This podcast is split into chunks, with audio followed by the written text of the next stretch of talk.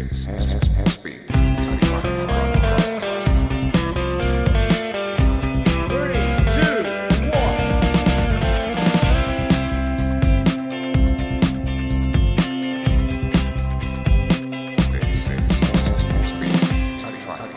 teman-teman semua, aku sapa dulu ya. Ada beberapa teman-teman. Selamat malam. Hari ini senang banget saya Luna Risma dan juga teman saya Udiarti uh, bertemu dengan kalian semua. Masih dalam uh, acaranya Budazin nih. Jadi kita ngobrol-ngobrol santai tentang live in Japan gitu. Nah, eh, malam hari ini kita ada satu narasumber yang ini luar biasa banget untuk bisa ngobrol ke kalian tentang gimana sih rasanya hidup di Jepang. Gimana sih orang Jepang, gimana sih budayanya Jepang tuh. Kita pasti penasaran deh.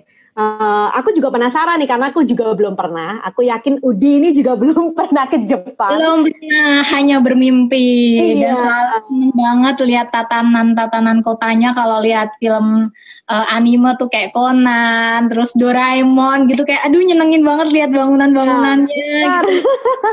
aku yang paling seneng di antara kartun-kartun Jepang tuh Doraemon. Serius aku heran deh kenapa ya orang-orang Jepang tuh selalu ini ya. eh, mereka tuh futuristik gitu loh, benar nggak sih Iya, Iya bener. futuristik banget gitu. Jadi eh, sebenarnya pengen banget sih ngerti Jepang tuh kayak gimana. Nah kita ditemenin nih sama satu host nih, eh satu host satu narasumber nih Bu Bu Udi. Mas Yulianto Wijaya ya. Yang Iya, betul. ini lagi tinggal di Tokyo, Jepang sana. Mm-mm. Mas Willy ini eh, dia tuh penulis loh Lun ternyata. Oh gitu. Kamu Iya, pernah baca tulisannya? Eh belum sih, tapi aku tahu ada ada ada bukunya gitu judulnya tuh kasih selembut awan untuk kumpulan kisah-kisah dan kelembutan hati. Hmm, oke. Ini nanti teman-teman tanya-tanya soal buku dan eh, proses ini waktu di- ditulisnya apakah udah di Jepang atau gimana. Dan sebelum kita mulai kelas ini ya Lun, eh, video dan suara teman-teman akan kita matikan dulu, tapi tenang. Nanti kalau teman-teman mau ada pertanyaan atau menanggapi apa yang kita obroli bisa langsung tulis di eh, chat room yang sudah tersedia ya teman-teman. Ya benar dan kelas online Budazin nggak lupa nih selalu uh, mudah, terus kemudian gaul dan juga asik karena ya kita selalu update sesuatu yang baru tapi juga kita nggak terlalu susah-susah banget sih untuk dibahas ya. Pokoknya semuanya akan asik untuk dibahas. Termasuk yang satu ini. Ah ini sudah ada Mas Willy nih. Halo Mas Willy. Halo, akan ngobrol tentang live in Japan nih, Mas. Pasti uh, Mas Willy udah punya banyak pengalaman nih di Jepang. Iya nih udah kita kita penasaran banget nih Mas. Kok bisa sih Mas Willy ini bisa tinggal eh, tinggal di Jepang gitu? Dan Iya, sekarang kerja di ini ya di Eneos Eneos Jepang itu eh, Iya. perusahaan minyak bumi di Jepang ya kalau di Indonesia kayak Pertamina gitu kan. betul. Iya. Mm-mm. Dan udah berapa tahun sih Mas di Jepang? BTW kalau boleh tahu. Eh, udah ada 12 tahun, 12 sampai 13 tahun. Wah, udah fasih nih ngomong bahasa Jepang. Coba dong Mas, selamat malam buat teman-teman semua. Gimana bahasa Jepangnya? Ya, selamat malam ya. Konbanwa minasan. Genki desu ka? Wah, keren. Coba ulangin Lun. nggak nggak bisa. Aku taunya uh, De- Deki Sugiha, bukan Deki Sugi itu kan tokonya Doraemon. Oke, kayaknya nih udah saatnya kita serahkan waktu dan tempat untuk Mas Willy ya. Dan nanti Ya, kita Mas. akan banyak tanya-tanya nih. Pokoknya kita akan share uh, share share aja Mas. Silahkan share tentang gimana sih kenapa bisa sampai ke Jepang, terus gimana sih Jepang, terus dan Hmm. lain sebagainya lah. Ada banyak pertanyaan nih di kepala kita ya Udi.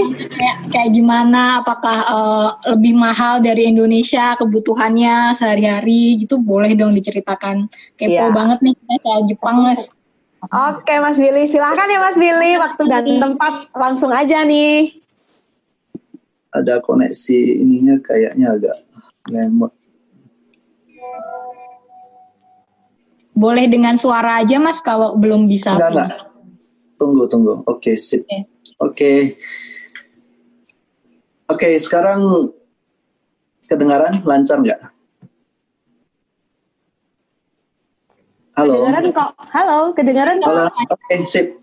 Jadi ya sharing aja. Dulu em, pertama kali ke Jepang itu uh, exchange student saya kuliah S1 di ITB. Uh, kemudian pada tahun ketiga kuliah itu ada kesempatan untuk exchange student selama satu tahun uh, di Jepang. Jadi saya exchange student. Uh, setelah itu saya lanjut lagi S2 dan S3 di Jepang di Tokyo Tech. Kemudian lulus, uh, saya kerja di perusahaan minyak di Jepang, Eneos, dan sampai sekarang. Kira-kira seperti itu.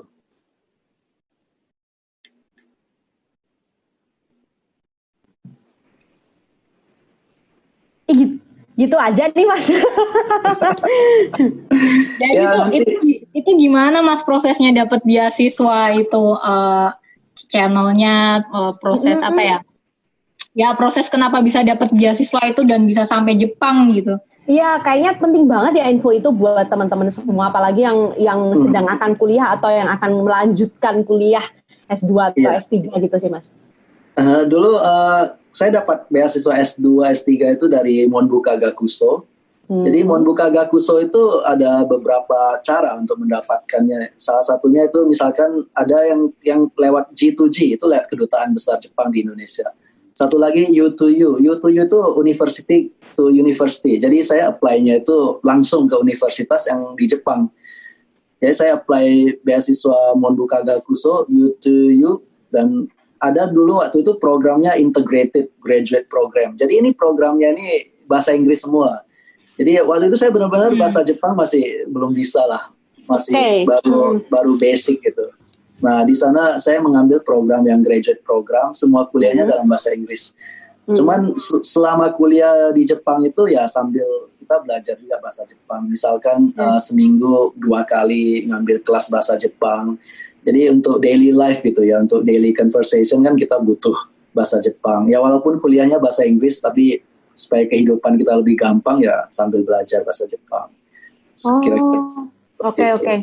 Kira-kira ini nggak sih mas apa bahasa Jepang itu kalau kalau dibandingin nih ya dengan bahasa kita nih, wah, sebenarnya nggak pengen ngebandingin ya karena pasti nggak bisa dibandingin. Cuman kan eh, sebagai tolok ukur pembelajaran aja nih gitu kalau belajar bahasa Jepang tuh eh, lebih susah ba- bahasa Indonesia sendiri atau bahasa Inggris atau gimana? Tolok ukurnya gimana nih mas?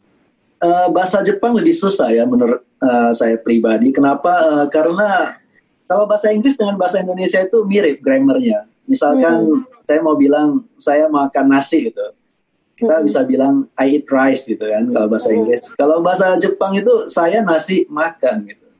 Jadi Oh, hmm, jadi hmm. struktur grammarnya itu berbeda itu. Terus itu yang pertama.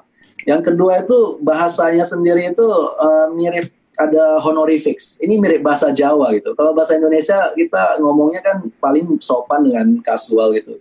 Ini ada bahasa yang untuk menghormati, meninggikan lawan bicara, untuk merendahkan diri itu bahasa sopan, kasual itu banyak sekali bahasa Oh. untuk. Jadi ada tingkatannya. Misalnya tingkat apa lembut gitu sama kasar itu tuh ada be- beberapa tingkatan itu juga yang bikin susah dan terus itu tulisannya sendiri tulisannya itu ada tiga macam tulisan yaitu hiragana katakana dengan kanji nah Hmm. hiragana katakana itu uh, bikinan Jepangnya sendiri yang pakai cacing-cacing tulisan kayak ada garis-garis itu nah satu lagi kanji itu dari tulisan Mandarin dari Oke. China diimpor dari uh, dari China terus itu dipakai juga. Dia tiga tulisan itu dipakai sekaligus.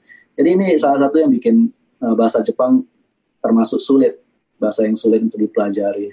Oke, tapi Mas worth it ya mas? itu berapa berapa lama Mas bisa bisa ngomong dengan bahasa Jepang untuk sehari-hari gitu? Nah itu tuh.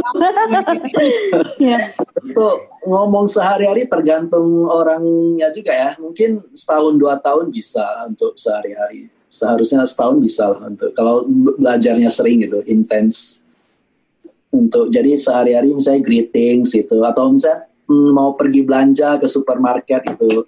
Ini berapa harganya? Koreo ikura desu ka misalnya. Ya gitu-gitu yang simple-simple itu.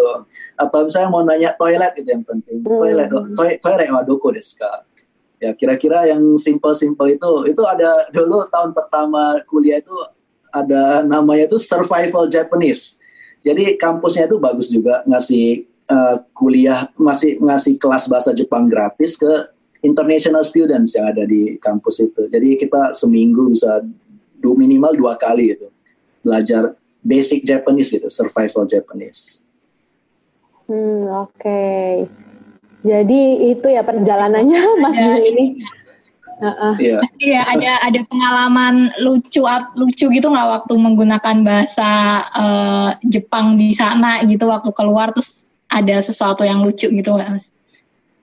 Eh, keluar sesuatu yang lucu. Yang lucu, ya dulu pertama kali pengalaman sebenarnya bukan lucu sih, itu ada cultural shock ya pertama kali eh, di Jepang, kuliah ke Jepang masih blank gitu, nggak bisa bahasa Jepang. Pertama kali nyampai Jepang, sampai Jepang nanya petugasnya dari airport misalnya ke stasiun ini, pindah stasiun ini gimana gitu kita nanya bahasa Inggris dijawabnya pakai bahasa Jepang gitu. Itu luar biasa. Itu benar-benar frustrating awalnya itu. Iya. terus sekarang sih menurut saya udah ada sedikit uh, perkembangan yang lebih bagus ya. Uh, jadi dibandingkan 10 tahun yang lalu itu sekarang itu apa sign gitu di stasiun kereta itu arah-arah direction sign itu semua udah mulai pakai ada versi bahasa Inggris versi ya bahkan ada bahasa Mandarin sama Korea gitu. Jadi udah lumayan lumayan membantu. Dulu itu masih jarang banget gitu. Jadi semua bahasa Jepang semua. Hmm. jadi itu pertama kali agak agak shock gitu. Cultural shock gitu. Terus nyampe ke Jepang itu misalkan cara makan gitu. Ma- makan di restoran misalnya mereka belinya pakai itu vending machine gitu kan. Kita beli tiket itu masukin duit gitu. Kan. semua tulisannya bahasa Jepang semua gitu. Nah itu itu bagaimana kita gimana ini masukin duit segala macam benar-benar blank. Itu pertama itu sempat saya beberapa hari itu makannya itu nggak mak karena nggak ngerti apa-apa makannya itu bekal yang apa biskuit atau apa yang dibawa dari Indonesia atau Indomie itu sisa. Ada beberapa. Itu minggu awal itu benar-benar blank gitu. Tapi ya itu belajar gitu. Bagaimana ini kehidupan di Jepang cara naik kereta ba- bagaimana cara mesen makanan bagaimana itu itu dulu pertama pertama benar-benar berat tapi ya dipikirnya lucu juga ya itu pengalaman Hmm. valuable menurut saya pribadi Oke, aku ada pertanyaan nih Mas Willy. Oke. Jadi uh, bicara soal culture shock ya, tadi ngomongin tentang culture shock. Uh, per- kesan pertama kali gitu ya, ketika ngerti, oh ini Jepang gitu, oh ini Jepang. Apa kesan pertama kali soal culture-nya yang dibaca sama Mas Willy, terus kemudian bedanya apa setelah mengenal lebih dalam kebudayaan Jepang itu sendiri? Kayak gimana sih kebudayaannya gitu? Oh iya, ya memang kita kalau misalnya biasa mempelajari oh tentang Jepang begini begini, tapi itu berbeda ketika kita merasakan sendiri, experience sendiri. Jadi ya kalau teman-teman punya kesempatan untuk keluar, eh, misalnya belajar ke luar negeri, ya itu saya sangat mengencourage gitu, mendorong gitu, karena itu akan memberikan kita suatu pengalaman yang ba- bagus. Itu berbeda gitu. Kita merasakan sendiri, mengalami sendiri dengan hanya sekedar membaca gitu. Memang kita pemahaman misalnya dengan membaca kita tahu begini begini begini. Tapi setelah experience oh ini yang dirasakan gitu. Ya ada ada yang sama gitu, tapi ada juga beberapa yang eh, yang kita bisa merasakan lebih mendalam lagi gitu ketika kita sudah ada di sini. Begitu. Hmm, hmm, hmm. Kes- Kesan pertama ketika ngerti Jepang tuh apa Mas?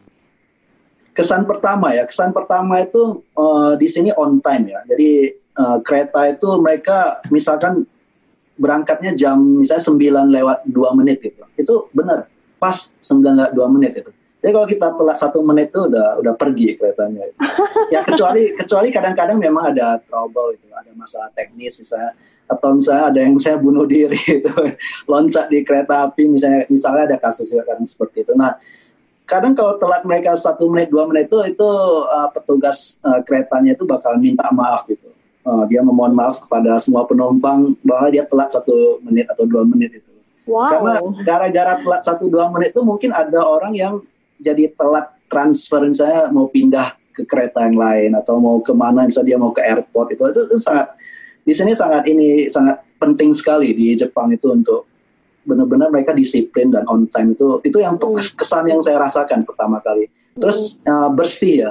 Jadi di sini rapi itu. Jadi yang kita bingung itu gini kalau misalnya nyari tong sampah itu nggak ada gitu di jalanan. Jadi mau nyari tong sampah itu lah ini buang sampah ke mana? gitu Hmm. Kalau misalkan kita sebagai orang Indonesia mungkin ah karena nggak ada tong sampah ya sudah kita buang aja di jalan itu salah pemerintah nggak ada nyediain Ya. tong sampah kan.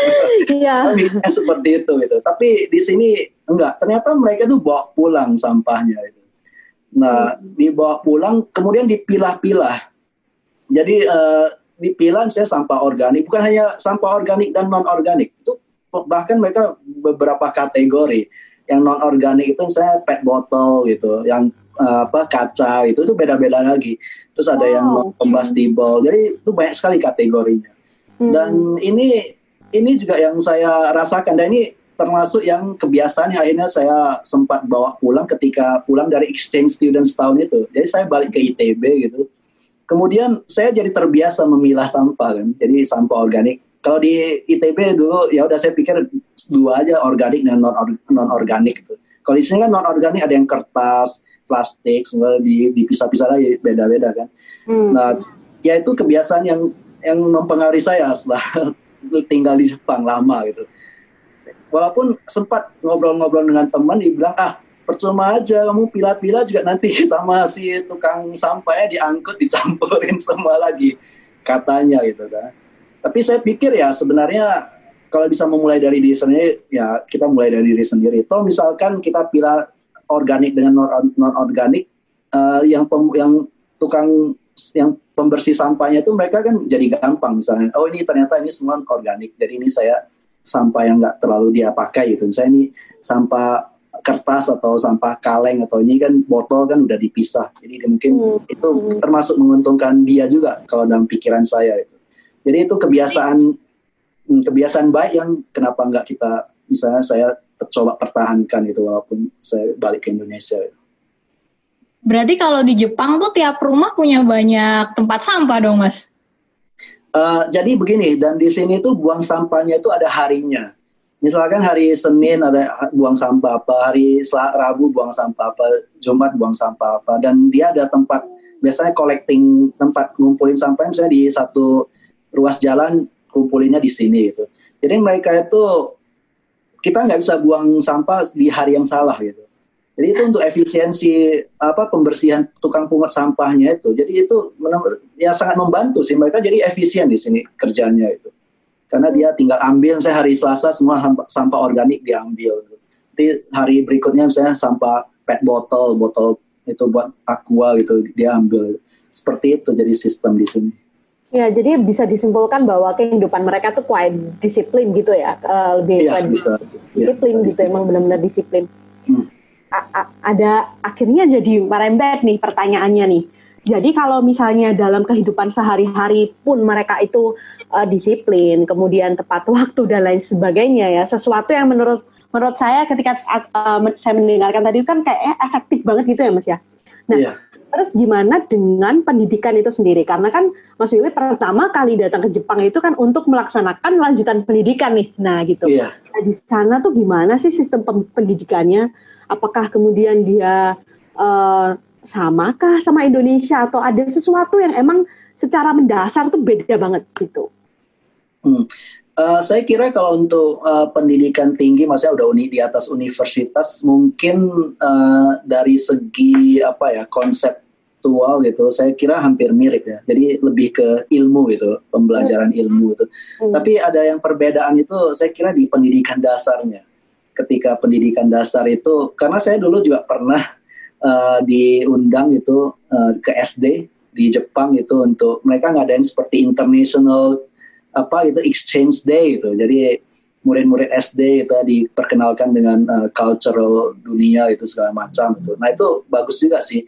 Tapi mungkin karena saya uh, nggak merasakan sendiri bagaimana pendidikan dasar di sini, uh, saya kira mungkin poin yang benar-benar sangat ngaruh itu pas pendidikan dasarnya. Jadi uh, dengar-dengar dari cerita sih di pendidikan dasar itu nggak ditekankan ke ilmu ke ilmu dengan apa teori gitu misalnya kita kan banyak sekali dulu waktu SD udah belajar yang namanya apa PPKN agama terus ada sejarah matematika IPA IPS banyak sekali kan. Jadi mungkin di sini lebih ke pem- apa pembentukan karakter ya kedisiplinan mereka teamwork kerjasama. Jadi mereka apa eh, misalkan bersih-bersih tugas mereka ada ada ganti-gantian nyediain misalnya lunch buat sekolah itu macam-macam gitu service ke teman-temannya sendiri. Jadi mereka sepertinya di di sana dibentuk. uh, awal-awal pendidikan di Jepang itu. Hmm, Oke, wah ini uh, informasi yang yang keren juga ya untuk kita ya Udi karena kan memang Iya, jadi- benar. Hmm, Pendidikan karakter itu sangat ditekankan banget Iya, ya SD. betul. Hmm, hmm, hmm, hmm. Uh, kita coba gali yang lebih dalam lagi nih Udi. Kamu ada pertanyaan dulu nggak? Em, belum ada sih. Kita bisa eh, lanjut aja nih ngobrolnya nih. Ya oke. Jadi eh, kalau tadi pendidikan tuh pendidikan dasar itu mereka yang lebih penting. Nah kalau kemudian eh, dengan culture keluarga, nah ini ini mas, ah, yang yang paling pengen banget ngerti itu sebenarnya gimana sih penataan, gimana bahasanya penataan dalam keluarga gitu loh. Maksudnya gimana mereka tuh eh, mereka tuh membangun sebuah keluarga di dalam rumah mereka sendiri itu seperti apa gitu mas? Eh, ini mungkin eh, cukup susah saya jawab gitu karena mungkin tiap keluarga beda-beda gitu. Tapi sepertinya ada suatu pola umum yaitu eh, mereka itu mendidik anak itu untuk seperti gimana ya untuk untuk mematuhi aturan-aturan sosial gitu. Misalnya contoh yang paling kecil misalkan pas nyebrang jalan itu. Jadi di sini ini wa- walaupun ada juga beberapa yang apa nerobos misalnya lampu merah itu. Jadi di sini ada zebra cross. Mereka kalau misalnya masih merah ya udah tunggu di zebra cross itu. Setelah hijau gitu baru nyebrang itu. Jadi sepertinya dari biasa keluarga itu mendidik misalnya anak-anaknya untuk eh, untuk mengikuti gitu, aturan-aturan norma sosial. Hmm. Itu ya saya kira yang sehingga bagaimana ya ada satu pendidikan yang saya kira mungkin cukup menarik di sini yaitu eh, yaitu untuk tidak hanya untuk memen- mem- memikirkan kepentingan yang lebih luas gitu ya kepentingan umum itu. Jadi em, ya memang sebenarnya ini semua lagi tergantung ke orangnya masing-masing ya. Nggak semua juga ideal gitu pasti ada juga yang yang nyeleweng segala macam. Tapi ada suatu pola umum yaitu diajarkan untuk mementingkan suatu kepentingan yang lebih luas gitu. Hmm. jadi nggak hanya kepentingan sendiri gitu Oke oke oke, menarik banget tuh. Berarti eh, dengan adanya pendidikan karakter sedari dini, terus eh, di dalam keluarga juga sudah sangat ketat bagaimana mendidik karakter itu sendiri. Berarti itu eh, apakah tingkat kriminalitas di sana itu jadi rendah ya dengan dengan adanya sistem yang seperti itu, Mas? Iya, di sini bisa dibilang lebih rendah kriminalitas. Jadi ya wa- walaupun tentu aja tentu saja nggak nggak nol ya, mas. Pas lalu di mana-mana pun ada kriminalitas, Ya. kriminalitas, tapi dibandingkan di Indonesia jauh lebih rendah.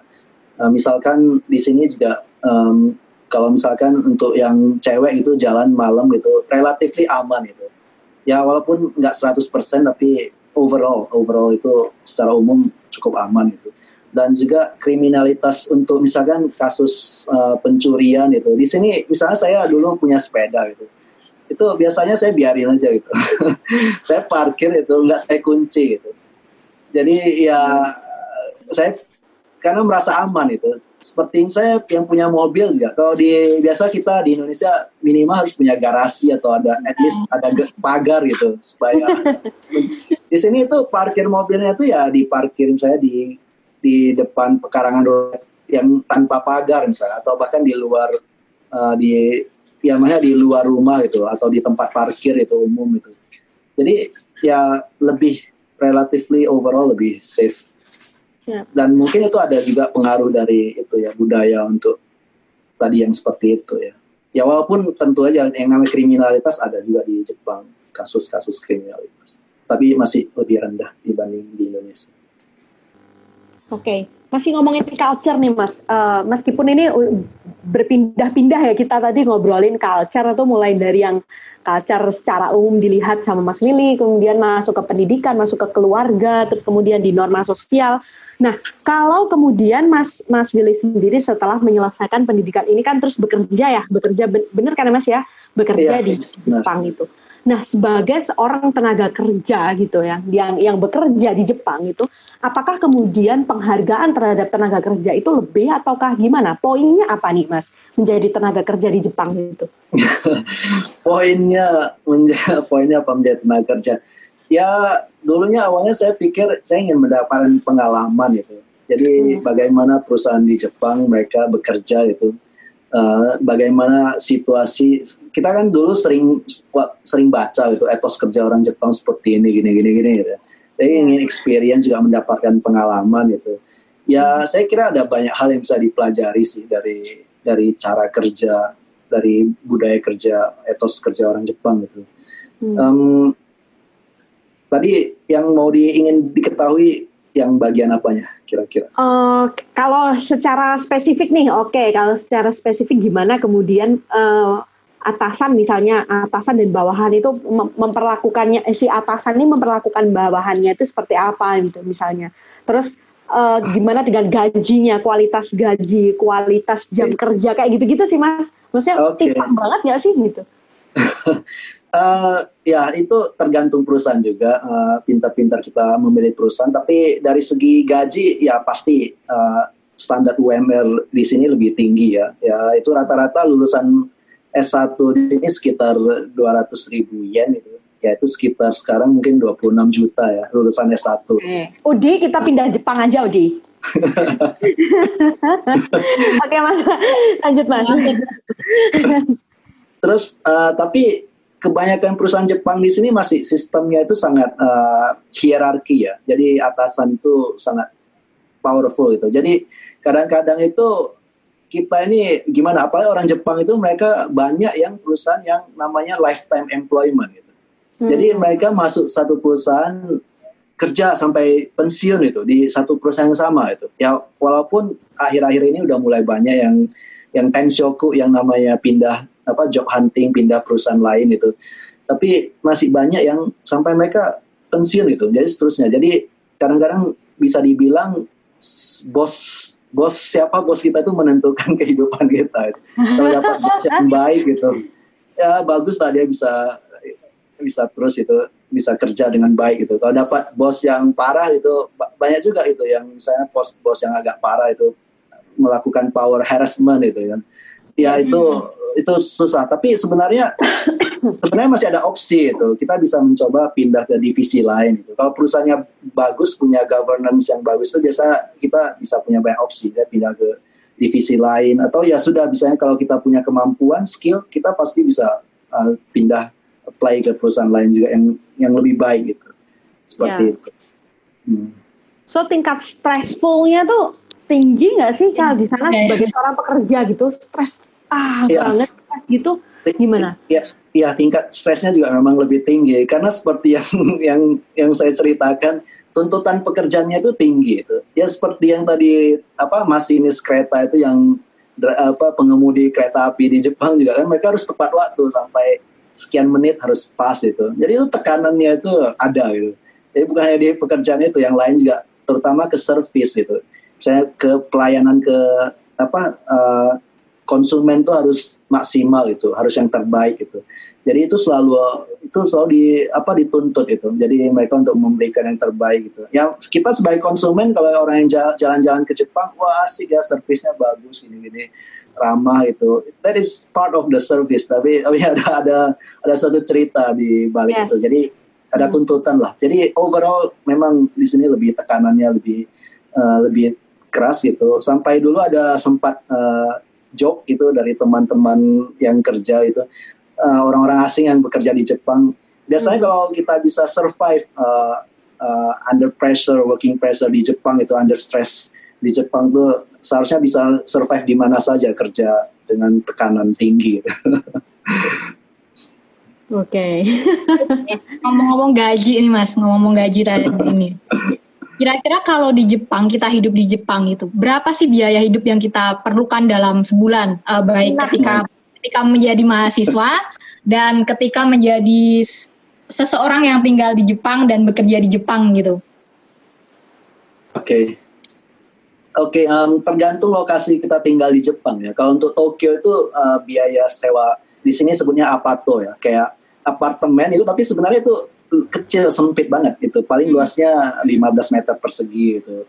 Nah Tokyo itu lumayan mahal itu untuk single itu biasa sekitar kalau ingin dapat yang cukup ba- ya maksudnya cukup bagus banget maksudnya lumayan ada toilet itu segala macam tuh ya sekitar 50 ribu yen ya sekitar 6 jutaan per bulan untuk yang single. Terus uh, untuk yang misalnya untuk untuk yang double lebih mahal lagi mungkin kisarannya 8 jutaan sampai 8 jutaan atau 7 sampai 8 jutaan paling murah. Oh, Jadi ya. kira-kira itu itu Oke. itu untuk Tokyo ya. Kalau misalnya tinggalnya di pedesaan itu, maksudnya lebih ke daerah eh, desa itu lebih murah, mungkin bisa eh, dua ti- dua jutaan, tiga juta per bulan untuk sewa dan lu lebih luas, jauh lebih luas itu yang Hmm. disewanya itu. Itu untuk eh, tempat tinggal ya. Tempat tinggal sih paling mahal itu. Untuk ya biaya transportasi juga lumayan mahal transportasi di Tokyo itu. Hmm. Um, jadi naik bus kali naik bus paling dekat juga minimal udah harus 20 ribuan itu itu paling mungkin naik 5 menit itu ya. jadi jaraknya makin jauh makin mahal terus um, untuk makan kalau makan makan mungkin masih relatif kita bisa mencari yang terjangkau itu karena banyak Hmm. option gitu. Banyak pilihan makan di luar. Masih ada yang misalkan eh, nasi capcay gitu di sini kan. Mungkin sekitar 50 ribu rupiah 60 ribu masih ada gitu. Jadi itu termasuk murah lah untuk ukuran Jepang gitu. Yang mahal juga yang mahal banget juga ada di sini. Tapi masih ada opsi-opsi untuk bisa survive kalau untuk hanya kalau mau lebih murah ya bisa masak sendiri gitu. Bisa beli supermarket itu beli yang dulu ada teman saya tuh yang survive eh, tiap malam tuh waktu mahasiswa tuh goreng telur telur dadar. Telur kan murah ini. 10 biji paling paling 15 ribu rupiah gitu kan. Seperti jadi bisa goreng telur telur dadar dengan nasi itu. Ya itu untuk makan masih bisa manageable gitu. Untuk tempat tinggal kalau Tokyo mahal.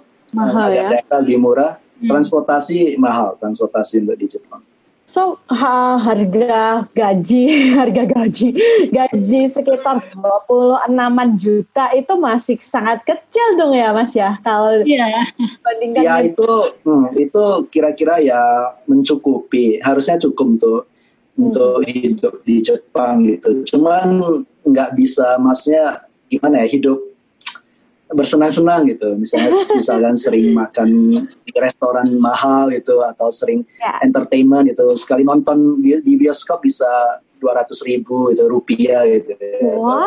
Ya, atau paling kalau dapat tiket murah bisa sih 150 ribu gitu. ya kira-kira Iya. gambaran ya, Ya, mungkin kita- kalau tergantung style hidup kita Heeh. Wah kita aja kalau harga bioskop mil yang 35 ribu paling murah lebih Ya, dari suaranya kedengeran. Oke ternyata eh, ternyata juga ini ini ya sangat beda ya. Pantas aja kalau misalnya orang pertama kali ke Jepang mungkin ya culture shock tetap ya karena karena kita menghadapi sesuatu yang beda gitu. Ini masih masih dalam rangka culture. Gimana Udi? Gak apa-apa nih ya? Masih dalam rangka Boleh culture? boleh. Masih oke ya? Kalau soal Boleh. agama, agama gimana sih di sana, Mas? Ada nggak sih Oh. Agama gitu? ada apa ada apa Radikalisme agama? Oh, ya di sini lebih jarang sih, lebih ke arah sekuler ya. Jadi saya lihat em, orang Jepang itu lebih ke menekankan eh, ke sekuler itu. Jadi walaupun walaupun ya kadang-kadang ada ke kuil itu, misalnya sembahyang itu. Tapi dalam kehidupan sehari-hari lebih ke menekankan ke eh, kehidupan gimana ya, lebih ke bagaimana kehidupan sosial itu bermasyarakat itu, ke ya budi pekerti seperti itulah. Jadi lebih terlalu bagaimana dan di sini libur nasionalnya juga nggak ada libur nasional keagamaan itu. Nah, Hmm. jadi misalkan tanggal 25 Desember itu kan hampir seluruh dunia misalnya libur Natal di sini nggak ada itu. Dulu saya sempat nanya itu ke teman orang Jepang itu, em, kenapa nggak ada libur keagamaan itu? Karena di sini juga misalkan Jep- orang Jepang itu mereka kadang memikirkan harus fair itu. Misalnya kalau dia memberikan misalnya libur Natal itu harus libur yang lain juga harus kasih dong. Misalnya kalau di- ada ada request dari harus libur yang dari yang Waisak itu dari yang Hindu misalnya ada ada penduduk yang beragama Hindu, yang Islam itu, Yahudi, itu agama-agama lain itu semua nanti kan request itu. Jadi akhirnya pembantu um, jadi mereka ngesetnya itu berdasarkan cultural itu libur itu. Dan di sini Tapi meskipun begitu tingkat toleransi di sana juga tinggi kan dengan agama-agama yang beragam itu sendiri meskipun hari libur agama tuh tidak ada di sana. ya itu juga tergantung orangnya gitu ya. Tapi rata-rata mereka berpikiran karena sekuler jadi nggak mm, jarang lebih sedikit lah yang fanatik terhadap agama itu.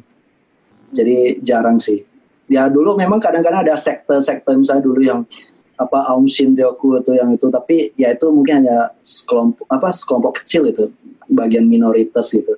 Ya relatively mereka lebih ke gimana ya? Ada sempat dulu yang mengatakan itu sebenarnya eh, walaupun tidak menekankan pada ko- apa prinsip konsep agama di sekolah juga nggak diajarkan pelajaran agama gitu di sini gitu tapi lebih ke udah di, di kayak embedded di embed embedded di dalam way of life gitu dulu ada yang mengatakan mengalami saya beberapa konsep-konsep misalkan filosofi Zen gitu ya Zen Buddhism itu sebenarnya tuh banyak yang diajarkan dalam udah jadi dia tidak pakai bungkus agama itu tapi diajarkan ke pemahaman itu ke filosofi kehidupan itu dalam kehidupan sehari-hari itu misalnya soal tentang ya way of life gitu gitu jadi walaupun nggak dipakai bungkus agama tapi banyak yang sebenarnya yang katanya dari filosofi dari misalnya Zen Buddhism segala macam. itu jadi tanpa pakai label agama lagi itu jadi secularis secularism in Japan Iya, lebih efisien ya ternyata. dengan dengan tanpa bungkus-bungkus dan kotak-kotak judul ini agama apa, ini agama apa gitu. Iya. Ini ngomongin To the point gitu ya. Jadi jadi penasaran ini nih satu lagi ya Lun ya sebelum Ya, kita ya. masuk ke tanya jawab teman. Mm-mm. Kalau di Jepang itu kan ada ada suku suku asli Jepang, suku Yamato ya kalau nggak salah namanya, suku mayoritas dan satunya lagi suku Ainu. Nah, suku Ainu itu yang minoritas gitu, yang kayaknya sempat terasingkan. Nah, dengan adanya suku seperti itu di Jepang, apakah juga ada diskriminasi antar suku atau mereka bisa hidup rukun jadi satu gitu, Mas? Uh, uh, jadi sebenarnya Jepang itu termasuk homogen ya. Jadi kalau dibanding di Indonesia itu kita punya banyak sekali beda bahasa, beda budaya segala macam. Jepang itu rata-rata hampir bisa dibilang homogen. Hanya ada beberapa uh, ya suku, misalnya Ainu gitu, sama mungkin suku yang uh, original orang Okinawa gitu. Mereka itu original itu. Dulu ya sempat ada yang mengatakan misalkan karena populasi yang main yang Yamato itu sebenarnya ya orang Jepangnya sendiri itu yang mayoritas Jepang. Jadi karena mereka yang mendominasi akhirnya bagaimana gitu. Jadi seperti ada seperti kayak bagian ketimpangan. itu. Tapi sebenarnya ya, Jepang nggak sadar itu. Jadi mereka ada suatu upaya untuk melestarikan eh, budaya Ainu itu. Jadi misalnya mereka bisa konservasi itu bahasa aslinya itu budayanya itu tapi ya bisa dibilang di sini termasuk homo ya cukup homogen itu dibandingkan eh, dibandingkan misalnya di Indonesia jauh beda itu Oke, ini kayaknya asik juga nih kalau teman-teman ikutan tanya. Boleh loh, silahkan. Mumpung ini bener-bener ada orang Jepang, eh ada orang Indonesia yang ke Jepang gitu dan dan stay di sana juga gitu. Dan ter- ternyata pengetahuannya banyak banyak juga, Mas Willy ini keren banget. Nah, Ya, boleh nih teman-teman yang eh, mungkin yang tadi kita obrolin terus belum ada yang ditanyakan gitu boleh ditanyakan di sini ya. silakan kita silakan. Ngobrol-ngobrol tentunya. Iya, oke. Eh, Mas, ini ada ada pertanyaan yang kukira penting juga ya, Udi, untuk kita tanyakan gitu terkait dengan uh, sambil, apa terkait dengan pekerjaannya Mas Mas Willy gitu. Sambil kita menunggu pertanyaan dari teman-teman ya, teman-teman peserta gitu. Eh, kalau kita dari tadi dengerin ya uh, flow hidup orang Jepang gitu, terus Mas Mas Willy dengan dengan cakapnya gitu bisa menceritakan soal pengalaman Mas Willy di Jepang terus kemudian bisa cerita soal culture, ngerti culture-nya seperti apa di sana gitu, sudah paham bahasa juga udah fasih gitu. Nah, sebenarnya ada nggak sih sesuatu yang ada sesuatu di Jepang ini gitu, yang yang emang betul-betul menjadi spirit kerjanya Mas Willy gitu, meskipun Mas Willy itu orang Indonesia gitu. Apakah ada sesuatu yang emang dipegang teguh gitu sama Mas Willy untuk untuk uh, bekerja, untuk meriset atau untuk sesuatu yang yang sedang dikerjakan sama Mas Willy gitu. Wah ini pertanyaan sulit juga. ya maksudnya dulu um, ya awal-awal bekerja di Jepang itu kan saya bagian research dulu uh, bagian energi hidrogen itu new energy itu. Jadi lebih bukan hanya apa mindsetnya itu bukan hanya terbatas pada Jepang tapi pada global itu. Jadi mengembangkan energi baru itu new energy itu dan ingin melakukan sesuatu itu. Jadi contribute something itu. Jadi bukan hanya ke Indonesia, Jepang tapi ke global itu, ke sesuatu to the world itu. Nah, di sini mungkin itu yang awal-awal mendorong saya untuk bisa um, berusaha itu. Walaupun walaupun dengan awalnya itu sebenarnya sangat sulit. Ada suatu cerita yang sangat sulit saya mendapatkan uh, job di sini itu karena keterbatasan bahasa Jepang itu awal-awal. Tapi tapi kita menunjukkan misalkan uh, apa motif yang kuat itu, misalnya apa keinginan kita itu suatu suatu apa enthusiasm itu passion, passion kita dalam melakukan sesuatu itu. Kalau itu kita tunjukkan, walaupun punya keterbatasan bahasa itu, kadang mereka si uh, orang-orang atop top orang-orang atas di perusahaan itu mereka melihat itu, oh ini orang punya punya passion gitu, punya keinginan di bidang ini itu. Hmm. Itu yang salah satu yang bisa mendorong mereka akhirnya mempertimbangkan, walaupun kita punya misalnya keterbatasan bahasa itu dalam bekerja itu ya walaupun awalnya itu sangat berat sekali ya dengan hmm. keterbatasan bahasa. Tapi sesuatu passion keinginan kita untuk apa suatu contribute something itu itu yang bisa terus masih mempertahankan saya walaupun tekanan kerja di sini sangat keras ya ya oke okay, oke. Okay. so kita nangkep sih poinnya ya Udi. Jadi uh, dari tadi kita ngobrol tuh kayak banyak banget gitu spirit yang nah nah gini gini kalau kalau pertanyaannya kemudian dibalik gitu mas, jadi spirit Indonesia apa gitu, yang masih tetap dipegang teguh sama Mas Billy dan dibawa ke Jepang gitu. Spirit yang masih dipegang teguh ya, uh, mungkin ini spirit uh, cara berpikir kita suatu keberagaman itu. Nah ini hmm. sebenarnya sangat yang menurut saya sangat berharga itu. Ini yang orang Jepang itu jarang mengalami karena di sini sangat homogen itu Oh yes. Jadi sebenarnya itu suatu kekayaan itu. Jadi sangat disayangkan kalau misalkan ada suatu gerakan misalnya di Indonesia yang ingin menghomogenisasi seluruhnya jadi satu model itu atau satu budaya atau satu agama atau apa. Itu itu sangat sederhana. Justru itu kekayaan yang sangat luar biasa menurut saya. Itu yang harus kita pertama kenapa? Karena kita bisa berpikir dari beberapa sisi itu. Dari berbagai aspek itu cara berpikir yang berbeda itu sebenarnya ini yang menarik juga. Dulu sempat ada satu interviewer di perusahaan satu perusahaan Jepang itu. Uh, dia mengakui misalkan orang Jepang walaupun mereka punya etos kerja yang bagus itu disiplin itu tapi kadang mereka tidak punya suatu thinking yang di luar yang common thinking. Misalnya terutama misalnya konsep-konsep agama itu justru karena nggak diajarkan di sini jadi kurang punya knowledge tentang itu. Misalnya bagaimana mereka ketika mau ekspansi bisnis keluar Jepang misalkan mereka harus deal with different cultures gitu. Mereka harus ber, berurusan dengan orang-orang dengan cara berpikir yang berbeda itu, mindset yang berbeda itu. Kadang mereka merasa ada kekurangan di sana gitu. Jadi sebenarnya salah satu apa pengetahuan kita tentang keberagaman itu sangat berharga, sangat valuable menurut saya pribadi. Hmm, Oke, okay. wah, wah jadi, panjang banget ya Yudi, keren keren. Terus aku jadi penasaran nih Lon sama tadi kan uh, Mas Widi kan juga menulis buku kasih selembut awan itu ya. Iya uh, iya. Ya. Boleh dong Mas diceritakan gitu, uh, apakah menulis itu tuh sudah ada di Jepang gitu dan bagaimana proses kreatifnya sampai sampai ini bisa mengeluarkan buku itu gitu. Oke. Okay. um, ya saya sempat uh, sebelum setelah kerja itu memang lebih sulit untuk meluangkan waktu. Tapi saya waktu kuliah itu masih sempat itu ya nulis itu. Itu sebenarnya semenjak di Indonesia udah sempat uh, mulai ada minat untuk menulis itu.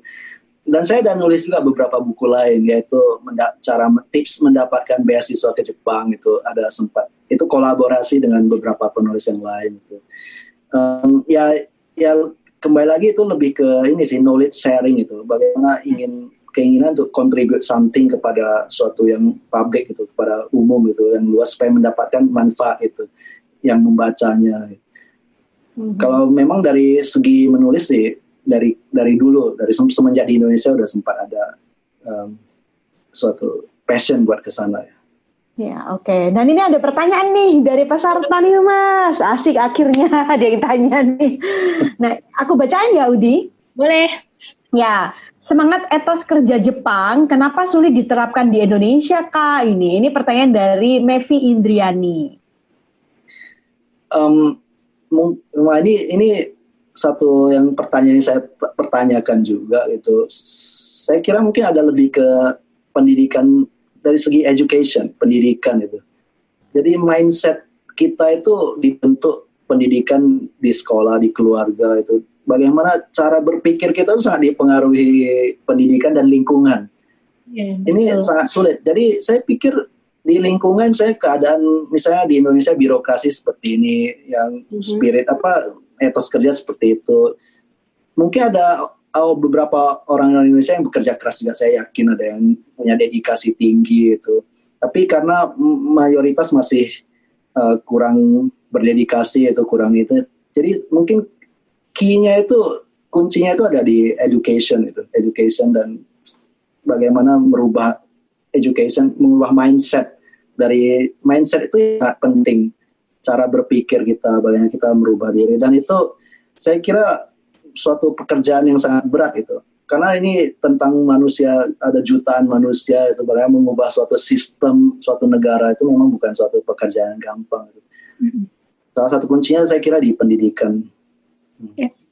Aku setuju juga sih sama eh, jawabannya Mas Willy gitu bahwa eh, kenapa etos kerja Jepang tuh sulit diterapkan di Indonesia karena memang semuanya berawal dari edukasi sendiri. Kak, misalkan di Jepang itu mode eh, hal yang modern dan yang tradisi itu bisa sama-sama berjalan beriringan gitu. Sedangkan di Indonesia sendiri susah, susah mengiringkan itu. Karena memang di pendidikan sendiri kayak pelajaran eh, bahasa Jawa misalkan bahasa Jawa gitu jadi muatan lokal gitu. Jadi sesuatu yang cuman diberikan sebentar gitu. Sedangkan di Jepang tadi sudah dijelaskan SD aja mereka sudah sudah eh, nguplek soal karakter jati diri mereka sebagai bangsa Jepang sendiri jadi mungkin itu itu sangat Beda berpengaruh ya Lun. Ya, oke. Ada pertanyaan lagi nih, Udi. Baca dong. Oke, selamat eh, dari Selvia ya. Selamat malam Mas Willy. Untuk transportasi umum paling malam hingga jam berapa ya? Dan lebih mudah menggunakan bis atau kereta? Terima kasih. Oke, ini pertanyaannya ini lagi tinggal di Jepang atau Kayaknya ini deh baru, aduh, baru mau ke Jepang nih. Iya. Oke, eh, di sini transportasi kalau untuk kota besar seperti Tokyo itu kebanyakan kereta ya, dengan kereta itu dan rata-rata itu sampai sekitar jam jam 12 malam sampai jam 1 malam itu. Dan eh, bus juga ada, itu biasanya lebih ke feeder misalnya dari stasiun kereta api ke sini ke ke agak yang daerah-daerah yang rumah-rumah yang nggak terjangkau itu itu pakai bus gitu. Jadi untuk kota besar itu eh, transportasinya itu udah kebanyakan ma- mayoriti, maju, mayoritas kereta itu. Dan dulu itu ada satu sempat eh, saya nanya gitu, masa di Jepang nggak keretanya 24 jam gitu kan? Kenapa sampai jam 12 malam, jam 1 malam? Itu ada sempat eh, teman orang Jep, teman Jep- orang Jepang itu dia dia berkelakar itu. Kalau misalkan sa- 24 jam tuh nanti yang kerja nggak pulang-pulang gitu. jadi ada jadi ada last train itu. Mereka kadang di sini setelah kerja itu sempat suka ada misalnya drinking party begitu. Kadang sempat lanjut-lanjut sampai bisa sampai malam gitu. Kalau ada last train udah terpaksa harus pulang gitu. Ya kira-kira sampai lebih kurang sampai tengah malam ya. Untuk kota kecil biasanya mungkin lebih cepat selesai gitu. Misalnya kota eh, jam jamnya mungkin sampai jam 11 atau jam 12 gitu. Oke, Mas ini ada pertanyaan lanjutan nih dari ya Mevi Iya, tadi yang soal etos kerja Jepang itu loh. Padahal dulu Jepang juga pernah menetap di Indonesia dan sistem pendidikan di Indonesia juga dibawa dari Jepang kan gitu. Karena habis Jepang ada Belanda. Eh salah. Habis Belanda kan ada Jepang. Oh iya. Jepang kan yang terakhir. saya kira saya kira nggak sempat ya maksudnya penjanjian Jepang di Indonesia itu hanya sekitar tiga setengah tahun jadi eh, nggak ada sesuatu yang eh, signifikan yang yang terjadi eh, maksudnya pengaruh maksudnya dari segi pendidikan ya saya kira nggak ada pengaruh lebih ke Belanda sih efek dari Belanda misalnya dari segi hukum gitu bahkan kita di hukum di Indonesia masih menggunakan kosakata bahasa Belanda itu jadi sistem pendidikan mungkin masih dipengaruhi sistem hukum juga. Yang lu- lumayan dipengaruhi oleh Jepang itu ini ya negara Taiwan. Taiwan tuh karena sempat lama itu tahun 1000 ada sempat 50 ta- 40 atau 50 tahun itu. Dan di sana pengaruh. Uh, iya. Jadi di Jepang itu dulu Jepang penjajahannya itu termasuk brutal yang di Indonesia misalnya. Uh, karena di beberapa di Asia Tenggara termasuk brutal. Untuk Taiwan tuh dulu bagus. Jadi itu ter- tergantung si komandan militernya juga ya. Mungkin yang dulu masuk ke Taiwan itu mereka jadi nggak hanya menjajah tapi membangun sistem termasuk sistem pendidikan dan segala macam railway itu sistem kereta api di Taiwan. Jadi ada sedikit banyak dari segi um, uh, education dan mindset itu Taiwan itu uh, mendapatkan pengaruh dari dulu penjajahan di Jepang. Tapi nggak nggak terlalu negatif kalau untuk kasus Taiwan. Kalau untuk Indonesia saya kira kita nggak terlalu mendapatkan banyak influence dari hanya sekitar tiga tahunan gitu. Oke. Ada pertanyaan nih, Udi? Iya nih ada pertanyaan lagi nih Mas Eh, dari Melinda. Selamat malam Mas Willy. Apakah berencana untuk kembali ke Indonesia atau akan tetap di Jepang selamanya karena sudah betah di sana ya Mas? Hehehe. Salam hangat. Ya ini. Mau balik nggak nih ke Indonesia? ya itu belum belum diputuskan ya mungkin tergantung eh, perkembangan situasi di masa depannya Eh, saya kira ya mungkin kita bisa contribute something di mana pun berada itu baik di Indonesia eh, ataupun di Jepang atau di mana saja itu jadi nggak kita nggak hanya em, apa terikat pada satu tempat itu tapi lebih ke bagaimana kita bisa berkontribusi ke suatu ke dunia ke, ke global Yes, yes. Dan eh, apa namanya? Dan ya juga memang gajinya gede juga ya mas pasti ya karena betah kan jadi betah. Tapi btw eh, kalau ngomongin soal Jepang gitu kan pasti kita kalau jadi orang Indo di sana gitu kan pasti ya mikirin soal kedutaan besar nih. Nah itu gitu eh, gimana sih kedutaan besarnya? Deket gak sih Mas Willy sama orang-orang di sana? kedutaan besar Indonesia di Jepang. Yes. Oh iya ada ada kedutaan besar Indonesia di Jepang em, di Meguro ya di Meguroku di Tokyo. Ya itu kalau kita ngurus eh, perpanjangan paspor segala macam ya ngurusnya di sana itu. Eh, ya bagus juga sih ada pelayanan-pelayanan untuk orang Indonesia-nya. Ya sejauh ini eh, saya kira ada pengaruh positif juga dari em, etos kerja orang Jepang itu. At least misalnya ngurus paspor eh, di sini lebih cepat profesional, lebih cepat gitu mereka ngerjain profesional itu. Jadi cuman asik juga misalnya kerja di kedutaan Indonesia di Jepang karena liburnya double. Jadi kalau tanggal merah di Indonesia libur, tanggal merah di Jepang nggak libur. Oke, ya ya ya. So penting juga ya kalau kita lapor juga ke sana gitu ya, kayak semacam ya bersilaturahmi dan lapor supaya apa dan lain sebagainya. Gimana sih urusannya ya Mas? Gimana sih urusannya ketika saya, saya, saya akhirnya jadi tanya kami gitu loh. Kalau misalnya be- begitu sampai di Jepang gitu, kita a- akan berurusan dengan kedutaan besar kah atau gimana gimana gitu? Iya, eh, jadi sebenarnya dari kedutaan itu mereka meminta eh, warga negara Indonesia yang tinggal di Jepang untuk melapor, lapor diri. oh gitu. ya, cuman em, ya kadang-kadang kan ada juga yang tinggal di Jepangnya bukan di Tokyo gitu jauh di pedalaman. Jadi akhirnya ya, ya saya kira dari pihak, pihak, pihak kedutaan mereka juga mengerti itu. Jadi pas ketika perpanjangan paspor kan kita bakalan datang juga ngurus gitu karena harus ambil Ya. sidik jari itu biometrik. gitu. Ya ya pada momen itu ya sekalian aja kan datanya udah terdaftar juga di KBRI. Jadi saya kira seperti itu juga ada itu. Ya paling prosedur itu ganti apa perpanjang paspor, uh, lapor diri. Kalau dulu yang kuliah itu ada misalkan apa penyetaraan ijazah atau apa gitu ya. Terutama untuk yang dosen gitu yang ngajar di Indonesia tapi mereka lulus kuliah S2 atau S3 di Jepang itu untuk ijazahnya itu diterima di Indonesia itu sepertinya ada proses gitu yang namanya apa legalisir atau penyetaraan ijazah dan mereka ada pelayanan dari kedutaan uh, Indonesia di Jepang gitu yang ngurusin itu gitu.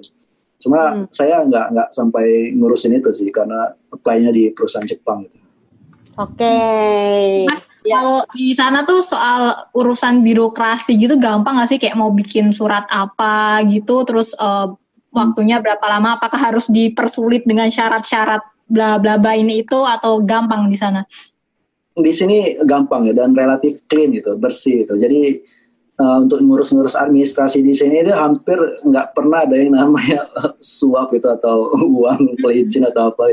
Nggak ada ya. Uh, malah itu berbahaya kalau misalnya kita mencoba mencoba misalnya ya ini saya kasih ini duit itu supaya dipercepat Ya, itu cepat. harusnya dua minggu jadi sehari itu wah itu bisa masalah gitu jadi masalah jadi udah udah aturannya rule-nya udah udah set gitu udah udah ditetapkan dan itu biasa sesuai aturan. Sesuai asal dokumennya lengkap itu semua proses biasanya lancar itu.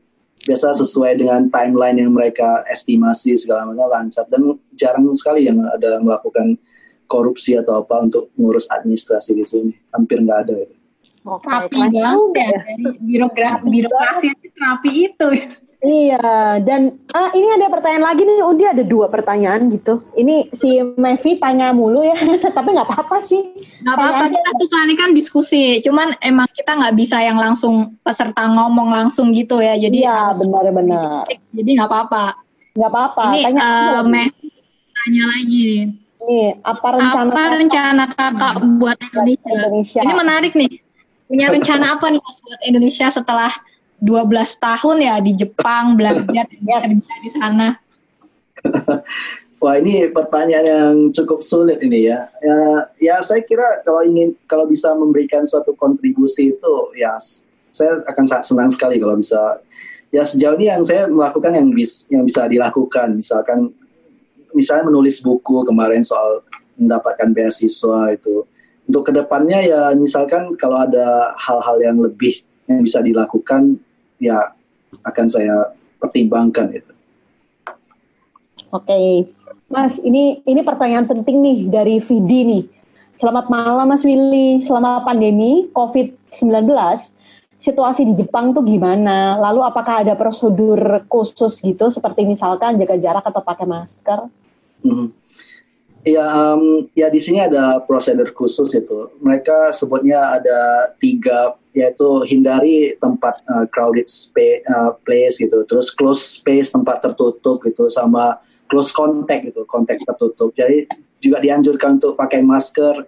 Be- belakangan ini ada ada sempat kenaikan kasus lagi di Tokyo, jadi mereka dianjurkan untuk eh, gubernur Tokyo-nya menganjurkan misalnya untuk yang untuk hal-hal tidak penting itu misalnya nggak usah terlalu banyak keluar gitu. Tapi di sini nggak ada lockdown sih sejauh ini. Jadi em, semua mas, aktivitas masih bebas itu dan pemerintahnya nggak ada regulasi keras, tapi dia hanya lebih menganjurkan itu ke kesadaran masyarakatnya untuk untuk membantu, ayo bersama-sama mengurangi coronavirus ini. Gitu.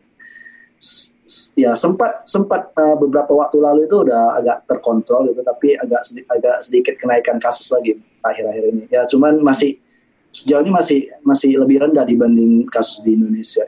Iya iya iya. Berarti tetap tetap ada disiplin untuk eh, untuk protokol kesehatan juga ya di sana terutama di ketika pandemi ini. Ini ngomongin soal eh, COVID ini kan bencana ya. Kalau di Jepang itu kan sering banget nih kita denger ada bencana gempa bumi atau eh, yang lain sebagainya. Nah, bagaimana di Jepang itu menanggapi atau eh, apa menanggulangi bencana-bencana yang ada di sana gitu mas. Kayak gempa bumi misalkan. Kan itu eh, sering banget nih orang-orang bilang di Jepang itu sering banget ada gempa bumi gitu. Hmm. tiap tiap berapa hari gitu selalu ada selalu ada. Nah itu bagaimana masyarakat dan pemerintah Jepang menghadapi itu? Ya, eh, di sini ada satu hal yang menarik dan bagus sekali harus harusnya kita bisa pelajari sih eh, dari Jepang, yaitu eh, mereka itu disaster management itu.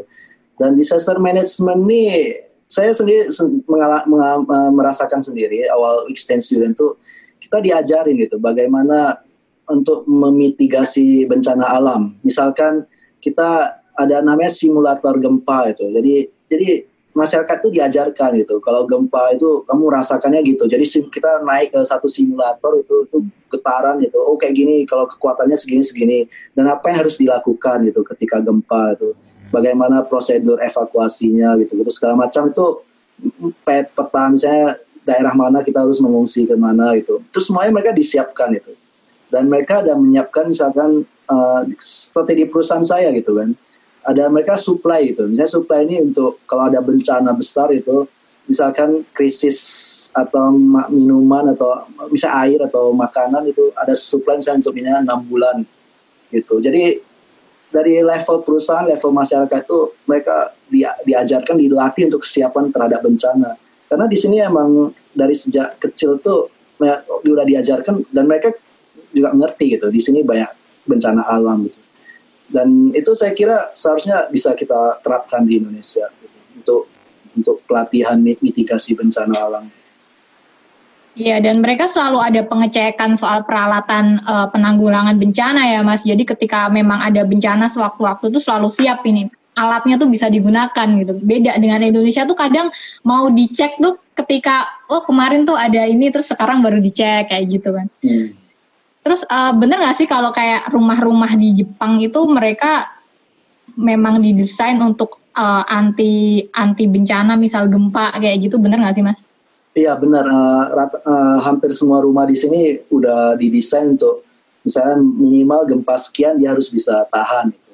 Terutama untuk gedung-gedung pencakar langit itu di Tokyo itu. Padahal Tokyo kan rawan gempa itu kan. Tapi saya sendiri dulu sempat yang gempa besar itu yang Tohoku tsunami itu. Nah, Iya, itu iya. di Tokyo itu luar biasa kencang sekali gempanya itu. Itu benar-benar goyang sekali.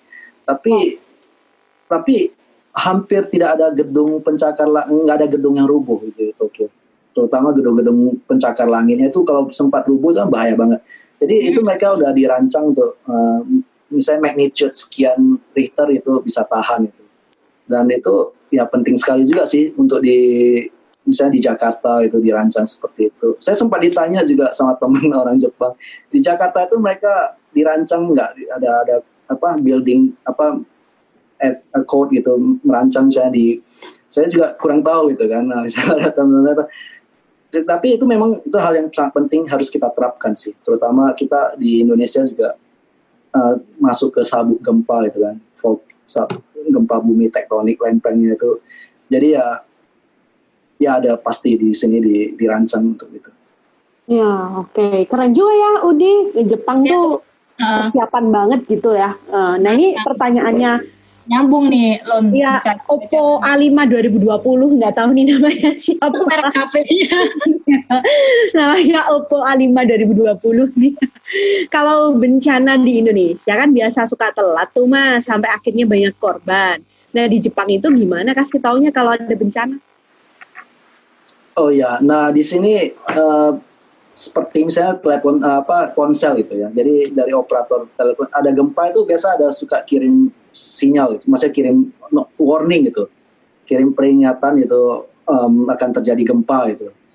Jadi di- itu juga saya kira sebenarnya itu penting juga sih kita terapkan itu. Terus di sini eh, mereka udah lebih ke disiapkan gitu, misalnya diajarkan itu penduduk itu bisa dikasih, misalnya kita tinggal di daerah ini nih, kalau misalkan kasusnya ada gempa atau ada tsunami harus mengungsinya ke mana itu atau misalnya di sini ada typhoon gitu di yang nggak ada di Indonesia itu ada typhoon itu kan hujan kencang gitu. Itu bagaimana kalau banjir gitu atau apa itu. Itu udah dipersiapkan itu. Tapi mereka lebih ke mitigasi juga. Misalnya Tokyo itu untuk banjir ya hampir di selama saya tinggal itu nggak nggak pernah dengar di Tokyo itu ada banjir gitu. Karena mereka bikin misalnya mungkin teman-teman juga ada yang baca itu apa gorong-gorong raksasa gitu itu tuh mereka mitigasi bencananya di sana itu jadi persiapan dari bukan segi infrastruktur tapi pelatihan juga ke masyarakatnya itu Oke. Berarti sangat siap sekali ya untuk menanggulangi adanya bencana dan lain-lain yang menakutkan itu. Ini ada pertanyaan lagi nih Mas dari Dela. Mhm. Menarik nih pertanyaannya. Selamat malam Mas, apakah di Jepang masih ada orang-orang yang hidup di bawah standar? Misalnya orang-orang yang homeless, karena biasanya ditampilkan di media-media itu uh, hanya hal-hal yang bagus saja gitu. Jika ada, bagaimana cara pemerintah Jepang menangani orang-orang tersebut? Hmm. Ya ada yang homeless itu di di Jepang terutama di kota-kota besar ya di Tokyo terutama. Ya walaupun uh, menurut saya sih nggak sebanyak di Indonesia jumlah yang homeless, tapi ya ada di uh, di Jepang ada. Dan ini juga sebenarnya uh, masalah yang cukup pelik gitu, karena bagaimana ya kadang itu di homeless itu walaupun ada yang yang prinsip gitu loh, maksudnya prinsipnya itu terlalu tinggi, misalnya dia nggak mau menerima bantuan dari pemerintah misalkan. Jadi pemerintah yang ingin membantu homelessnya misalnya ini karena dia merasa harga dirinya tinggi, maksudnya harga dirinya akan terluka itu kalau dia harus menerima bantuan. Ada ada tipe orang seperti itu. Oh. Karena di Jep, ada juga mungkin pilihan ya. Jadi sebenarnya kalau misalkan seseorang itu dia mau menerima bantuan dari pemerintah, dia harus dia mau berusaha untuk untuk untuk tidak homeless itu sebenarnya bisa itu. Karena di sini ya sebelum pandemi corona itu di sini termasuk yang um, apa tingkat pengangguran itu rendah sekali. Artinya Jepang itu sempat kekurangan tenaga kerja, butuh banyak banget tenaga kerja di terutama di bagian service sektor itu, di agriculture, construction itu. Bahkan mereka kan sempat uh, menandatangani perjanjian dengan uh, Philippines, Indonesia untuk untuk mendatangkan perawat itu dari Filipina dari Indonesia tenaga kerja di sektor pertanian itu. Jadi sebelum pandemi corona itu sempat juga apa tingkat pengangguran itu udah hampir satu persen atau hampir banyak sangat rendah itu. Jadi itu udah bisa dibilang uh, full employment itu. As long as dia mau mau bekerja itu harusnya bisa itu. Tapi ya memang ada orang-orang tertentu yang memilih untuk homeless juga ada itu.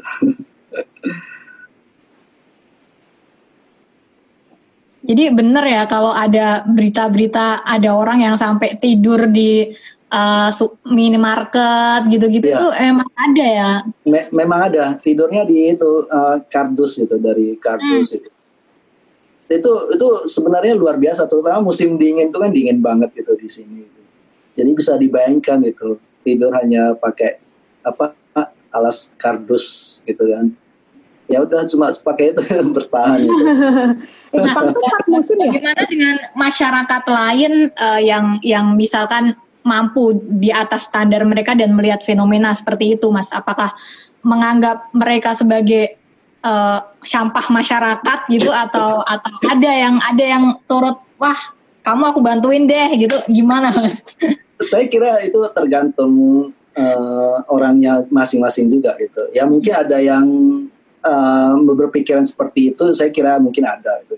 Um, yang yang kebanyakan mungkin netral ya, tapi ada juga sebenarnya organisasi volunteer gitu, sukarelawan itu yang mereka ngebantuin yang orang-orang homeless itu, terutama saya ngadain food bank gitu gitu semacam itu gitu. Jadi buat membantu yang itu itu. Jadi ya kembali lagi ke orangnya masing-masing. Uh, berat juga ya Lun. Gimana nih Lun? Siap nggak nih kita ke Jepang? Siap dong. Kayaknya kesempatan kayaknya terbuka lebar ya. Nah, saya nggak tahu sih. Eh dari tadi tuh yang belum di aku ada pertanyaan deh mas soal kesenian gitu karena aku karena aku nih lulusan seni gitu ya. Saya dan Udi itu sebenarnya sama-sama satu alma mater sekolahnya sekolah seni gitu. Jadi kalau kalau misalnya ke Jepang tuh peng, uh, kayaknya pengennya di dunia seni atau mungkin sastra ya kalau Udi ya. Nah itu gimana sih mas dunia kesenian di sana gitu tuh kayak gimana sih sebenarnya? Uh, dunia kesenian lebih ke seni yang di mana ya misalnya seni lagu itu ya atau apa pun deh apa apa aja yang uh, apa saja yang uh, catchy gitu sama Mas Mas Willy gitu ya. Menurut Mas Willy itu uh, langsung terkesan kah atau gimana gitu? Uh -huh. ya mungkin karena saya nggak berkecimpung di dunia seni mungkin tidak uh, terlalu detail ya. Tapi di sini ya mereka ada misalkan untuk yang apa J-pop gitu, yang untuk seni lagu itu apa girls band gitu-gitu, ya banyak sih seperti itu gitu. Um, ya dari segi, segi seni tradisional juga uh, mereka uh, di, di Jepang mereka mempertahankan itu misalnya seni kabuki itu kayak macam opera tradisional itu. Jadi yang cowok gitu apa pakai makeup putih sampai jadinya kayak cewek gitu ya, ya seperti itu itu ada juga yang no gitu yang seni-seni tradisional itu ya walaupun di Jepang mengalami modernitas itu tapi ya mereka masih mempertahankan seni-seni tradisional juga. Ya anak-anak muda di di sini juga udah banyak juga yang lebih ke senang ke seni kontemporer gitu ya yang pop pop seni pop gitu pop music itu segala macam Jadi di sana seni tradisi dan modern tuh tetap uh, seimbang ya, tidak tidak misal yang tradisi mati kemudian susah untuk dibangkitkan kembali karena adanya seni-seni modern, tapi justru memang selalu hidup dua-duanya gitu ya mas. iya jadi selalu ada ada segmennya itu Hmm. Ini aku jadi inget ini nih ngomongin seni terus tadi Luna sempat nyinggung sastra. Saya jadi inget bacaan zaman saya SMP Kapa. Pasti udah pernah baca ya Mas Willy. Kapa eh, karyanya Akutagawa yang menceritakan tentang dunia dunia Kapa, dunia kebalikan manusia dan di situ yang unik adalah di eh, dunia Kapa yang dituliskan Akutagawa itu bahwa Kapa betina itu lebih lebih aktif gitu, lebih dominan gitu. Mereka bahkan menduduki eh, sistem-sistem pemerintahan dunia Kapa gitu.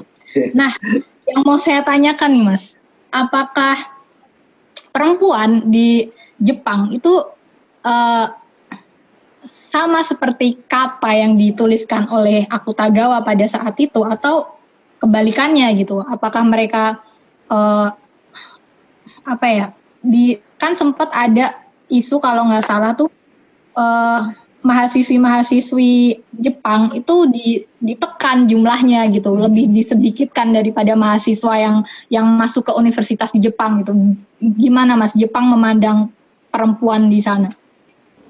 Hmm, ya ini juga satu uh, topik yang sering dibahas di Jepang ya, yaitu terutama tentang misalkan balancing antara uh, laki-laki dan perempuan gitu. Hmm. Nah itu yang kemarin kasus di misalnya di apa Tokyo Medical University itu sempat ada kasus um, dia lebih memprioritaskan yang applicants dari ma- apa Ya. calon mahasiswa yang cowok gitu. Di sebenarnya di dunia kerja juga masih Iya, cukup benar-benar. sedikit, cukup sedikit eh, yang misalnya jajaran manajemen itu, bagian direksi yang diisi oleh wanita itu. Sebenarnya di Jepangnya sendiri terjadi diskusi itu. Jadi maksudnya untuk negara-negara maju dibandingkan misalnya Eropa gitu ya, terutama negara Skandinavia atau apa itu lebih udah lebih banyak lah gitu misalnya empowerment of women gitu. Jadi diberdayakan itu dari segi misalnya direksi perusahaan itu. Di Jepang itu masih cukup eh, ortodoks itu, maksudnya masih banyak yang didominasi oleh laki-laki itu.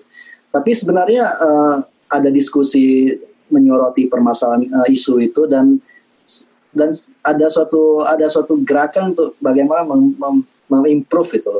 Jadi akhirnya ini juga ada suatu upaya itu untuk meningkatkan uh, peran dari wanita untuk lebih ke masuk ke misalnya dunia perusahaan itu manajemen segala macam itu.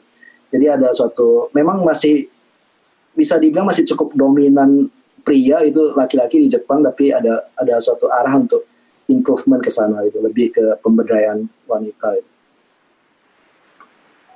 Oke, wah karena nih ya informasinya ya soal perempuan. Eh, tapi Mas kalau perempuan di di Jepang itu ini sekali aja terakhir dari saya. Pengen tanya terus nih. Eh, kalau kalau perempuan di Jepang itu emang bener nggak nggak ini ya, nggak men- menikah dan melahirkan tuh nggak begitu penting gitu. Gimana? Ya itu eh, tergantung lagi orangnya itu ya. Memang Oh gitu. Itu personal ya berarti ya personal ya. Itu personal itu memang ada ada dibanding kafe di ya? Indonesia itu lebih lebih banyak itu artinya di sini gimana ya maksudnya nggak ada suatu obligation itu kewajiban untuk harus menikah dan punya anak sehingga banyak memang anak-anak maksudnya kaum mudanya itu yang untuk memilih untuk stay single banyak gitu di sini itu tapi ya itu bukan berarti semuanya seperti itu ya masih banyak yang tetap berkeluarga juga itu di sini tergantung ke orangnya masing-masing kalau. Eh, masih ngomongin perempuan nih mas, saya juga mau ada pertanyaan nih. Tet- tetap masih berhubungan dengan seni juga. Geisha nih Mas di sana. Geisha itu kan bukan hanya perempuan yang eh, menyajikan sesuatu tapi mereka juga pelaku seni gitu di Jepang karena mereka belajar tentang semua kebudayaan Jepang gitu. Nah, dengan kondisi perempuan di Jepang yang seperti dijelaskan Mas Willy tadi, apakah di era sekarang itu masih ada perempuan-perempuan yang eh, punya minat untuk menjadi geisha atau belajar belajar untuk menjadi geisha? Gimana? Em, ya masih ada di terutama di Kyoto itu masih ada. Dulu saya sempat waktu mahasiswa juga ada ada kayak bukan study tour sih, kayak travel itu eh, di disubsidi oleh kampus itu universitas eh, dibawa misalnya jalan-jalan ke Kyoto gitu. Kita sempat non- nonton eh, nonton ini pertunjukan tarian itu, tarian Hmm. oleh oleh mereka sebutnya Maiko itu. Jadi geisha itu sebenarnya termasuk istilah apa yang agak kasar itu. Mereka sebutnya ge geiko itu atau maiko. Kalau maiko itu masih yang apprentice-nya, masih belajar itu, masih muda. Jadi ya itu kita uh, disajikan itu. Mereka mainkan apa musik tradisional itu kecapi Jepang samisen itu sambil dia tarian itu. Ya sebenarnya um, menurut saya nggak semua image negatif terhadap misalnya maiko atau geisha itu ya. Jadi jadi mereka juga belajar itu um, untuk seni itu tradisional. Kadang banyak juga yang pertunjukan ke publik gitu, public performance gitu. Jadi itu yang banyak juga turis-turis yang enjoy apa performance seperti itu. Jadi um, masih masih masih ada dan yang untuk berminat ke belajar hal-hal seperti itu. Oke, itu tentang geisha tuh di Ya, eh, penasaran tapi ini jadi ini nih terakhir deh satu pertanyaan terakhir nih. ngomongin geisha di Jepang itu dan kalau nggak ngomongin blue film di Jepang gitu kayaknya nggak kurang ya Lun ya. Iya, iya, iya. Penting juga sih itu. Heeh. Iya, Soalnya soalnya emang udah jadi industri yang gede banget gitu. Mm, kayak di film film anime kan aja ada Perfect Blue tuh. Itu kan film filmnya tentang eh, tentang bagaimana produksi film biru di sana gitu. Nah, saya jadi penasaran nih Mas, sebenarnya tuh penduduk Jepang sendiri itu gimana menanggapi eh, film-film yang seperti itu gitu. Mhm. Em, di sini mungkin lebih apa open minded ya, lebih Ya terbuka. open ya, udah jelas ya kelihatan ya mas ya karena ada ada apa eh, ada industri film itu tuh udah kelihatan bahwa orang-orangnya lebih lebih apa oh ya open minded ya. Jadi lebih eh, ya lebih open minded dan misalkan kadang kita di convenience store juga sempat ada segmen bagian majalah yang agak-agak sedikit bagian menjurus ke segitu gitu hal-hal itu. Tapi ya Hmm. maksudnya eh, walaupun seperti itu justru yang menarik itu seperti misalnya tingkat apa pemerkosaan itu di Jepang itu malah Di relatif Indonesia lebih rendah itu, Oh, lebih sedikit, lebih harus sering dicontoh nih Indonesia. Iya karena ada tahu.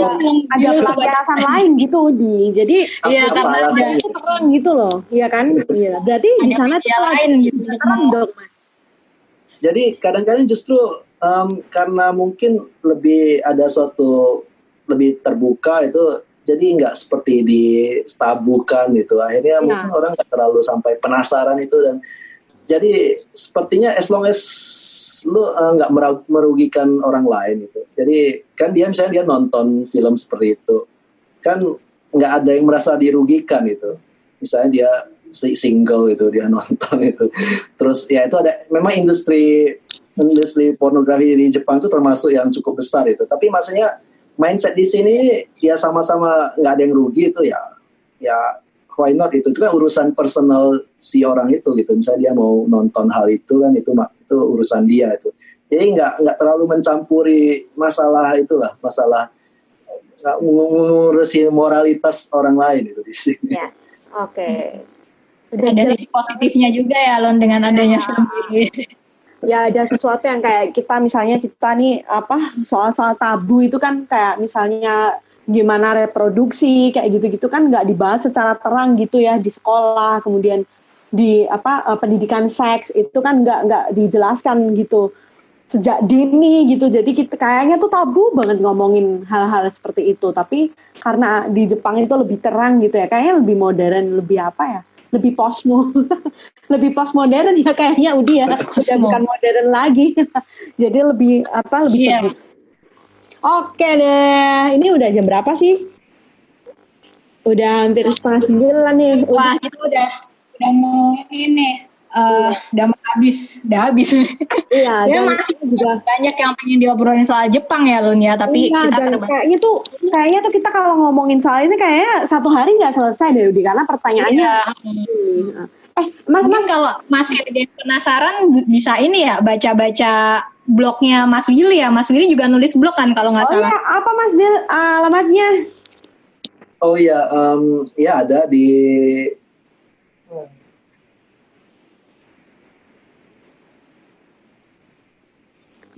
Hilang mas mic-nya mati mas mic-nya mati suaranya mati Mas tunggu. ya Oh, iya. ulangin Eh, lagi ada di uh, willianto.wordpress.com gitu yes di blog saya gitu. Em, nah, Oke, boleh berkunjung ke sana ya teman-teman. Ya, Nih. oke. Dan eh, kayaknya belajar dari Mas Willy nih ya, kita tuh ternyata ber- bepergian jauh itu jadi sesuatu yang penting juga untuk kita ya, sebagai orang Indonesia gitu, untuk lebih bisa menghargai bagaimana hidup itu sendiri gitu. Kalau kalau menurutku eh, belajar tentang pengalamannya Mas Willy soal dia melancong ke Jepang untuk bekerja, untuk kuliah dan bekerja itu adalah untuk dia menghargai lebih menghargai hidup itu sendiri dan mungkin Iya. akan jadi lebih cinta Indonesia juga ya meskipun jauh ya Iya, Mas. ya. iya. oh iya. Karena kita sudah sudah mengenal kultur yang lainnya selain kultur di negara kita sendiri, ternyata ada perbedaan dan ada eh, hal-hal yang baik juga gitu dari kultur kita maupun kultur negara yang kita sam- sambangin. Ya, benar. Dan semoga ini uh, ke depan akan ada waktu lagi sama Mas Willy untuk kita bicara Iya, lebih tapi ini spesifik. loh, sebelum sebelum Mas Willy menghilang nih, boleh dong Mas Willy kasih eh, mungkin semacam kalimat motivasi buat teman-teman yang di sini pengen pergi ke Jepang gitu, boleh Yes, disampaikan. boleh dong. Nah, ya saya kira em, ya tadi yang seperti disampaikan eh, moderator eh, bukan hanya di Jepang ya. Jadi kalau kita mem- apa bela- ke tempat eh, hidup di tempat lain itu kita belajar banyak hal. Mungkin ada hal yang positif, ada juga yang negatif. Tapi kita pelajari apa kira-kira hal-hal positif yang bisa kita gunakan itu.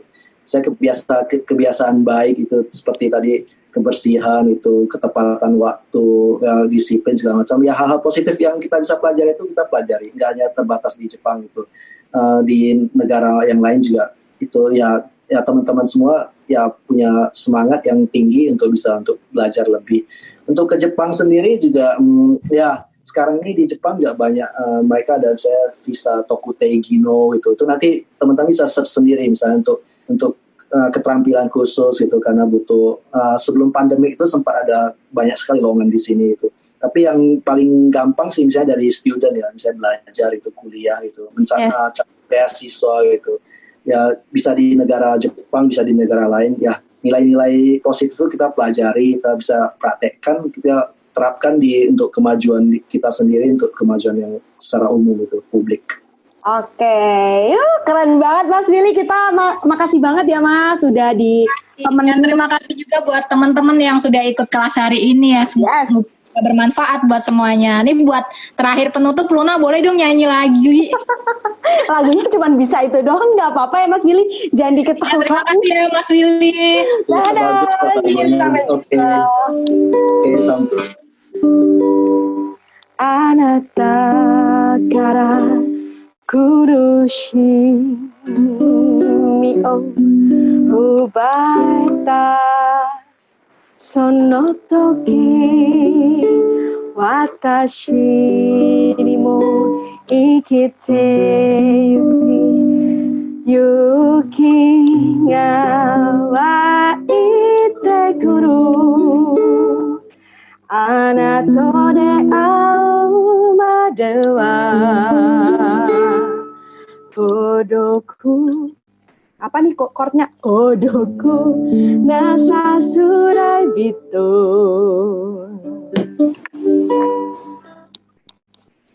Sono ne nukumori no kanji sa